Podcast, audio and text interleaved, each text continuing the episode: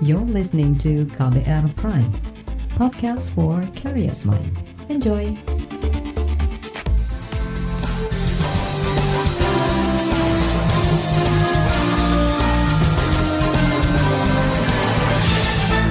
Halo selamat sore saudara, kembali saya Reski Mesanto hadir di KBR Sore hari ini, edisi 15 Maret 2021. Sore hari ini seperti biasa selama 30 menit ke depan saya akan menjadi teman Anda dan saya sore hari ini ingin mengajak Anda untuk membahas mengenai vaksin COVID-19 buatan perusahaan farmasi AstraZeneca yang diduga bermasalah. Sejumlah negara menghentikan penggunaan vaksin ini, lalu bagaimana dengan Indonesia?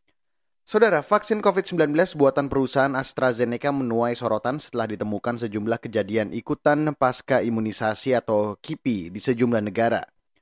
Tujuh negara kini menghentikan sementara penggunaan vaksin AstraZeneca seperti Norwegia, Denmark, Irlandia, Islandia, Belanda, Austria, dan Thailand. Penangguhan dilakukan setelah ditemukan kasus pembekuan darah pada penerima vaksin. Kejadian lain adalah adanya kematian akibat gangguan koagulasi pada penerima vaksin. Meski sejumlah negara menunda penggunaan vaksin COVID-19 buatan AstraZeneca, pemerintah Indonesia belum mengambil sikap serupa. Juru bicara Satuan Tugas Penanganan COVID-19, Wiku Adhisa Smito mengatakan, pemerintah berpegang pada izin sementara yang dikeluarkan Badan Pengawas Obat dan Makanan atau BPOM maupun Organisasi Kesehatan Dunia atau WHO. Pada prinsipnya, vaksin AstraZeneca yang sudah ada di Indonesia aman untuk digunakan sesuai dengan pernyataan dari European Medicine Agency atau EMA yang disampaikan pada hari Kamis kemarin, saat ini tidak ada indikasi bahwa vaksinasi AstraZeneca menyebabkan pembekuan darah. Hal ini juga tidak terdaftar sebagai efek samping dari vaksin AstraZeneca. Faktanya, lebih dari 10 juta vaksin AstraZeneca yang telah digunakan tidak menunjukkan bukti peningkatan risiko emboli paru ataupun trombosis vena dalam golongan usia, jenis kelamin, dan golongan lainnya di negara-negara yang menggunakan vaksin COVID-19 AstraZeneca. Hal ini menunjukkan bahwa jumlah kejadian sejenis ini secara signifikan lebih rendah pada penerima suntikan vaksin dibandingkan dengan angka kejadian pada masyarakat umum. Ke depannya penggunaan vaksin AstraZeneca ini akan terus dipantau sehingga jika terdapat KIPI dapat segera diambil langkah-langkah penanganan yang sesuai. Juru bicara Satuan Tugas Penanganan COVID-19 Wiku Adhisa Smito menambahkan, pemerintah tetap harus mengikuti perkembangan dari temuan kasus terkait vaksin AstraZeneca. Itu dilakukan agar ketika vaksin itu digunakan di Indonesia, pemerintah bisa mengambil langkah-langkah penanganan apabila terjadi kejadian ikutan pasca imunisasi. Sementara itu, pernyataan senada juga disampaikan Menteri Kesehatan Budi Gunadi Sadikin. Pekan lalu Budi Gunadi mengatakan penggunaan vaksin AstraZeneca akan mengikuti pendapat para ahli dari BPOM maupun WHO. Semua vaksin itu itu pasti ada plus dan minusnya. Ya. Tapi saran semua epidemiologis begitu dia lulus WHO, begitu dia lulus BPOM, mana yang paling cepat dapat itu yang diambil. Karena kalau udah lulus WHO, udah pasti safety-nya lolos. Gak mungkin itu dia dilulusin tanpa safety-nya lolos. Sama BPOM juga sama. Jadi kalau saya bilang ke teman-teman, ya udahlah, saya juga ya saya hebat-hebatnya saya game, saya sekolah kedokteran juga enggak, sekolah epidemiologi juga enggak. Jadi kalau tiba-tiba saya merasa paling tahu atau sok tahu mengenai vaksin A dan vaksin B, mendingan saya tanya sama ahli biologi molekuler yang emang ahlinya di sana. Dan jawaban mereka sama. Itu lewat WHO, itu lewat BPOM, udah tutup mata, suntik secepat-cepatnya.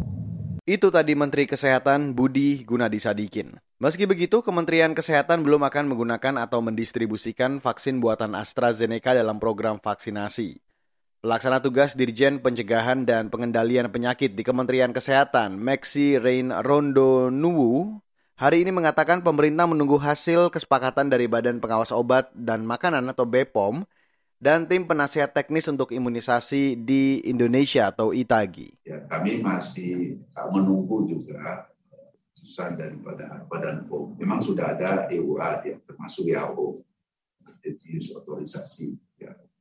Eh, tetapi karena ada laporan perkembangan terkait dengan uh, masalah eh, apa laporan yang ada di Eropa ada beberapa negara sehingga eh, Badan POM dan Itagi itu sudah melakukan rapat meminta data-data lagi terkait dengan efek sampingnya AstraZeneca sehingga kami masih menunggu hasil itu hasil kajian data daripada Badan POM dan uh, Itagi.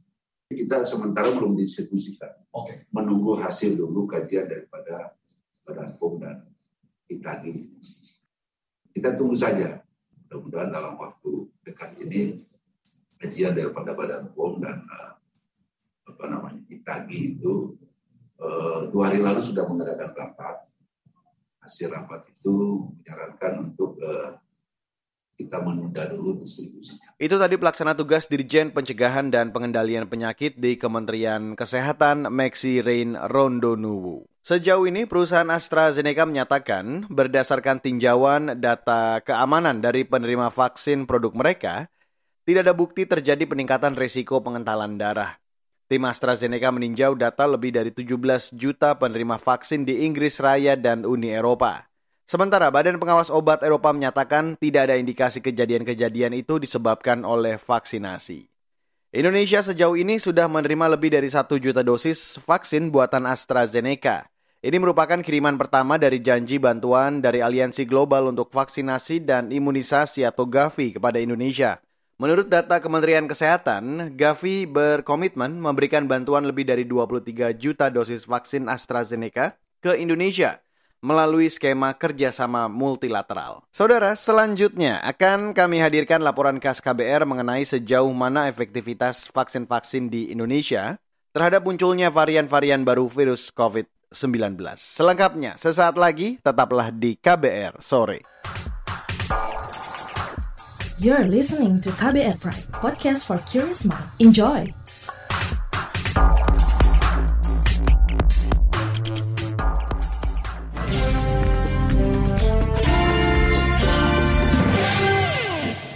Saudara, varian baru dari COVID-19 bermunculan setelah ramai dengan varian baru B117, kini muncul sejumlah varian baru virus corona.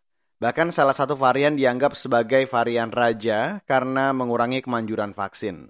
Bagaimana Indonesia menyikapi munculnya varian-varian baru ini? Dan apakah vaksin yang saat ini tersedia di Indonesia, Sinovac dan AstraZeneca, masih efektif menangkal varian baru tersebut? Berikut saya hadirkan laporan khas KBR disampaikan Fitri Anggraini. Bapak-bapak dan ibu-ibu sekalian, ada berita yang saya terima dari satu tahun kita melakukan refleksi. Kalau satu tahun yang lalu kita menemukan kasus 01 dan 02 COVID-19, tadi malam saya mendapatkan informasi bahwa dalam tepat satu tahun hari ini kita menemukan mutasi B117 UK mutation di Indonesia. Ini fresh from the open, baru tadi malam ditemukan dua kasus.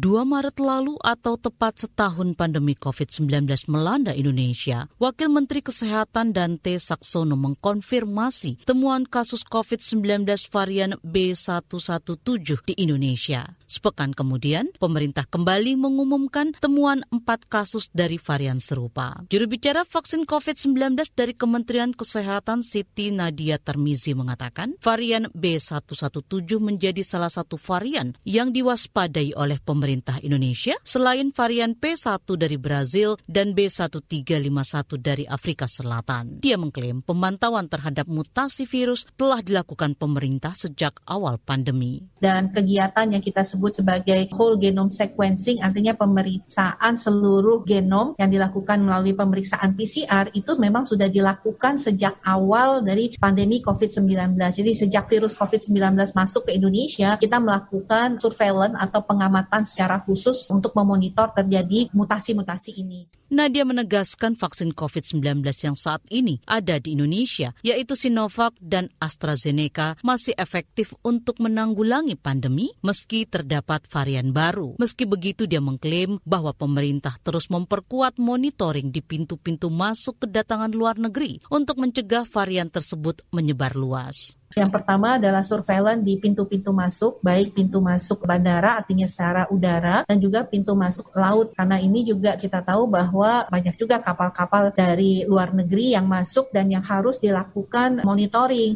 Senada dengan Nadia, Direktur Lembaga Biologi Molekuler Ekman, Amin Subandrio mengatakan, vaksin dari Sinovac dan AstraZeneca sejauh ini masih efektif digunakan meski muncul varian baru corona, sebab varian baru yang ditemukan belum mendominasi populasi virus di Indonesia. Namun, khusus untuk varian dari Afrika Selatan menurut Amin, kajian dari beberapa negara mengungkapkan adanya dampak terhadap penurunan efikasi vaksin. Penurunan itu masih diambang batas aman sehingga masih efektif digunakan. Namun ini perlu menjadi perhatian serius. Jadi kalau efikasi seperti kita cermati kan misalnya klaim-klaim dari perusahaan vaksin itu kan beda-beda. Ada yang efikasinya 90 persen, ada yang 65 persen. Nah kalau misalnya yang tadinya 80 persen atau 75 persen turun jadi 70 persen atau 65 persen, ini kan semuanya masih di atas rekomendasinya WHO 50 persen. Selama efikasinya masih di atas 50 persen itu masih bisa dipakai. Amin mengatakan sifat dari varian-varian baru ini harus terus dipantau. Tujuannya untuk mengukur tingkat efikasi atau kemanjuran vaksin vaksin dalam menangkal virus. Jika efikasi masih di atas 50 persen, artinya masih efektif digunakan. Namun vaksin harus disesuaikan jika dari sejumlah kajian melaporkan adanya dampak penurunan efikasi hingga di bawah 50 persen. Menurut Amin, penyesuaian vaksin merupakan hal yang wajar ketika ditemukan varian baru dengan sifat yang berbeda atau lebih ganas. Oh, sangat dimungkinkan. Jadi saat ini pun untuk influenza secara berkala ya artinya 2-3 tahun sekali WHO akan mengumumkan virus yang beredar, virus influenza yang beredar itu dari varian yang mana dan vaksin-vaksin yang dikembangkan itu perlu disesuaikan. Dan itu hal yang lazim ya gitu ya untuk menyesuaikan vaksin itu dengan virus yang beredar di satu daerah ya. Kalau pandemi ini kan berarti kan seluruh dunia dan itu pedomannya harus dari otoritas yang tertinggi di dunia ini tentunya dalam hal ini WHO. Di tempat lain, epidemiolog dari Universitas Indonesia Pandu Riono mendorong pemerintah terus melakukan pengamatan terhadap berbagai varian yang muncul sehingga respon yang diambil tepat. Salah satunya dengan memastikan alat tes COVID-19 yang dimiliki mampu mendeteksi varian baru sehingga penyebarannya bisa terdeteksi dan diantisipasi. Pemerintah juga harus berusaha keras mencegah agar varian B117 yang sudah masuk di Indonesia tidak menyebar luas. Jadi testing, pelacakan kasus dan isolasi itu nggak boleh kendor dan juga terus mendorong penduduk untuk mengurangi risiko penularan dengan 3M dan mungkin sekarang sudah jadi 5M. Pokoknya menghindari supaya jangan sampai mereka menjadi penular atau tertular. Pandu juga mengingatkan agar masyarakat tetap menerapkan protokol kesehatan meski vaksin masih efektif digunakan untuk varian baru. Pandu menekankan vaksin hanya bisa mencegah penyakit berat dan kematian, namun tidak bisa mencegah penularan. Laporan ini disusun Wahyu Setiawan. Saya Fitri Anggreni. Saudara, sejumlah anggota Komisi Kesehatan di DPR mempertanyakan isu mengenai masalah keamanan vaksin COVID-19 buatan AstraZeneca. Selengkapnya akan kami hadirkan sesaat lagi, tetap di KBR Sore. You're listening to KBR Pride, podcast for curious mind. Enjoy!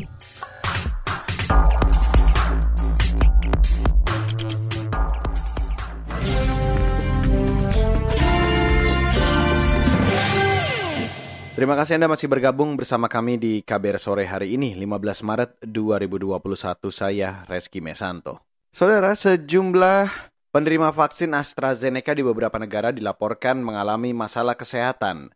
Ini menyebabkan beberapa negara menghentikan sementara penggunaan vaksin COVID-19 buatan perusahaan farmasi asal Inggris itu. Kondisi ini mendapat perhatian sejumlah anggota Komisi 9 DPR yang membidangi kesehatan seperti Nur Yasin dari fraksi PKB. Ada kejadian yang sangat viral belakangan ini tentang membekunya darah yang setelah divaksin oleh uh, pakai vaksin AstraZeneca. Ini ini mohon dijelaskan juga ini bagaimana dengan di Indonesia karena ini akan kemungkinannya di Indonesia karena ini akan divaksinkan segera di Indonesia karena sudah datang dan uh, eh, 1,1 juta sehingga perlu dijelaskan kemungkinan-kemungkinannya. Apa itu juga ada bedanya misalnya AstraZeneca keluaran yang Korea dengan yang Jerman, Pak? Apa yang membeku itu yang keluaran Jerman misalnya. Nah ini ini perlu jelaskan. Kami ini da banyak dapat pertanyaan dari masyarakat, khususnya di dapil kami. DPR juga mempertanyakan isu kehalalan vaksin AstraZeneca. Anggota Komisi Kesehatan DPR, Yahya Zaini meminta vaksin AstraZeneca tak digunakan sebelum mendapat izin halal MUI. Sementara itu, Saudara, Badan Pengawas Obat dan Makanan atau BPOM bakal mengkaji laporan-laporan mengenai kejadian ikutan pasca imunisasi menggunakan vaksin buatan AstraZeneca. Selama belum ada hasil kajian, BPOM tetap berpegang pada hasil kajian dan uji klinis vaksin AstraZeneca yang menyatakan vaksin ini aman. Kepala BPOM Penny Lukito menyampaikan, evaluasi BPOM tersebut disesuaikan dengan syarat penggunaan darurat standarisasi WHO yang dilakukan bersama Komnas Penilai Khusus Vaksin COVID-19, termasuk epidemiolog, itagi, dan imunologis. Dalam rapat dengar pendapat di DPR hari ini, Kepala BPOM Penny Lukito memastikan, vaksin yang mendapat izin penggunaan darurat telah melewati sejumlah persyaratan sejak praklinik hingga pemenuhan mutu. Vaksin COVID-19 di Indonesia yang sudah mendapatkan emission authorization dan sedang proses evaluasi semua produk obat dan edar atau izin penggunaan darurat oleh Badan POM diberlakukan persyaratan yang sama yaitu adanya data preklinik, klinik dan mutu yang memenuhi standar, pastian pemenuhan GL uh, Good Laboratory Practice, Good Manufacturing Practice atau cara pembuatan obat yang baik dan Good Clinical Practice. Hingga saat ini sudah ada tiga vaksin COVID-19 yang mendapatkan izin penggunaan darurat atau authorization yaitu CoronaVac diproduksi oleh Sinovac, vaksin COVID-19 diproduksi oleh Bio Farma dengan bulk dari Sinovac, COVID-19 vaksin AstraZeneca yang diproduksi oleh SK Bio Korea. E, beberapa vaksin COVID yang sedang dalam proses evaluasi di Badan POM saat ini yaitu vaksin AstraZeneca untuk produksi dari Bio, Biology Germany e, dan tidak salah diproduksi di Thailand Kemudian SARS-CoV-2 vaksin inactivated produksi Sinopharm. Sebelumnya BPOM telah mengeluarkan izin darurat penggunaan vaksin buatan AstraZeneca pada akhir Februari lalu. Kepala Badan POM Penny Lukito meyakini vaksin COVID-19 buatan AstraZeneca aman karena juga sudah mendapat izin penggunaan darurat dari otoritas pengawasan obat di berbagai negara. Saudara, selanjutnya akan kami hadirkan sikap dari tim penasihat teknis untuk imunisasi di Indonesia atau ITAGI mengenai nasib vaksin AstraZeneca. Selengkapnya sesaat lagi, tetaplah di KBR sore. You're listening to KBR Pride, podcast for curious mind. Enjoy.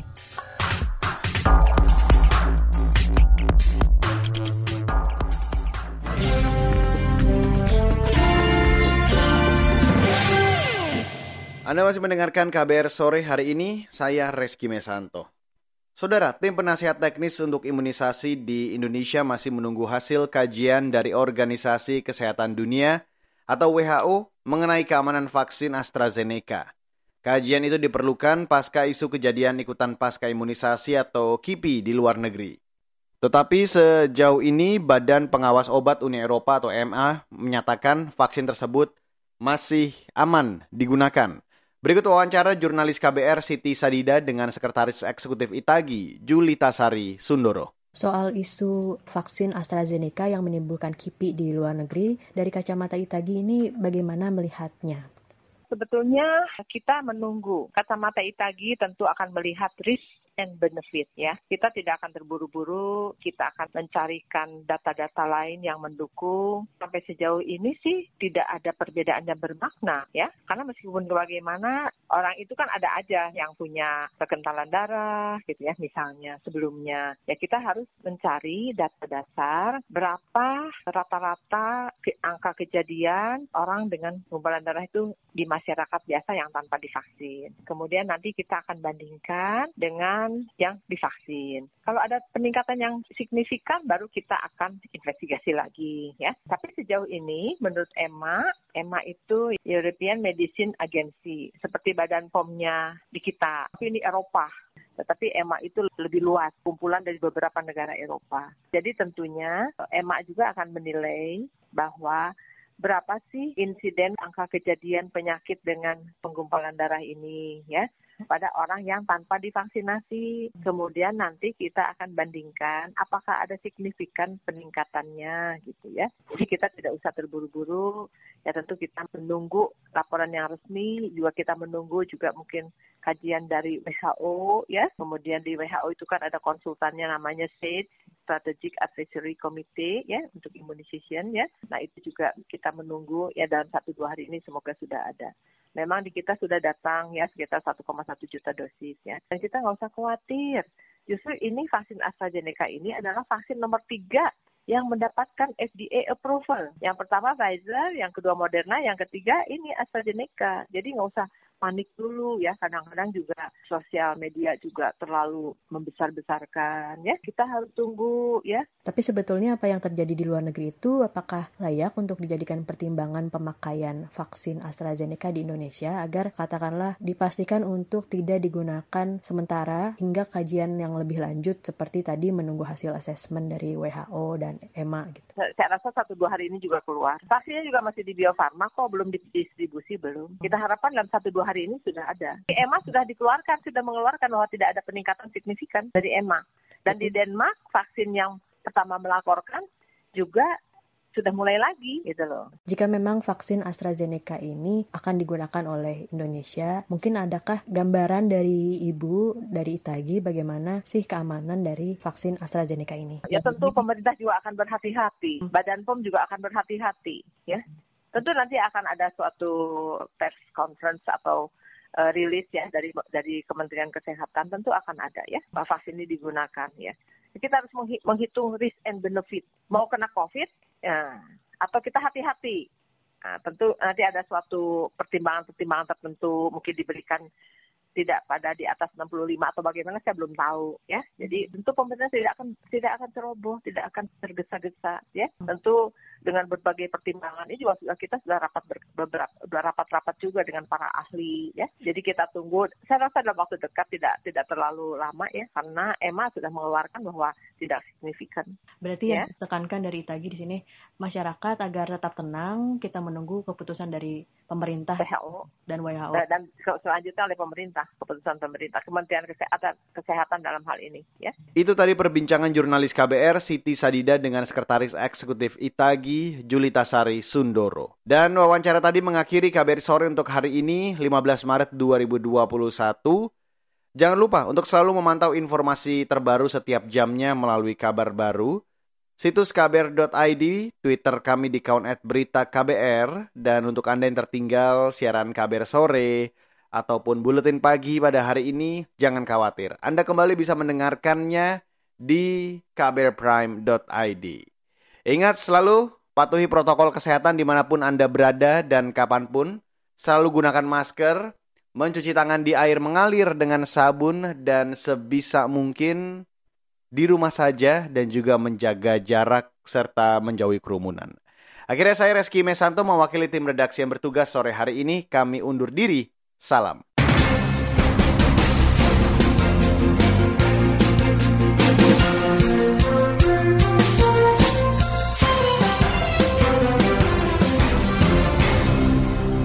KBR Prime, cara asik mendengar berita. KBR Prime, podcast for curious mind.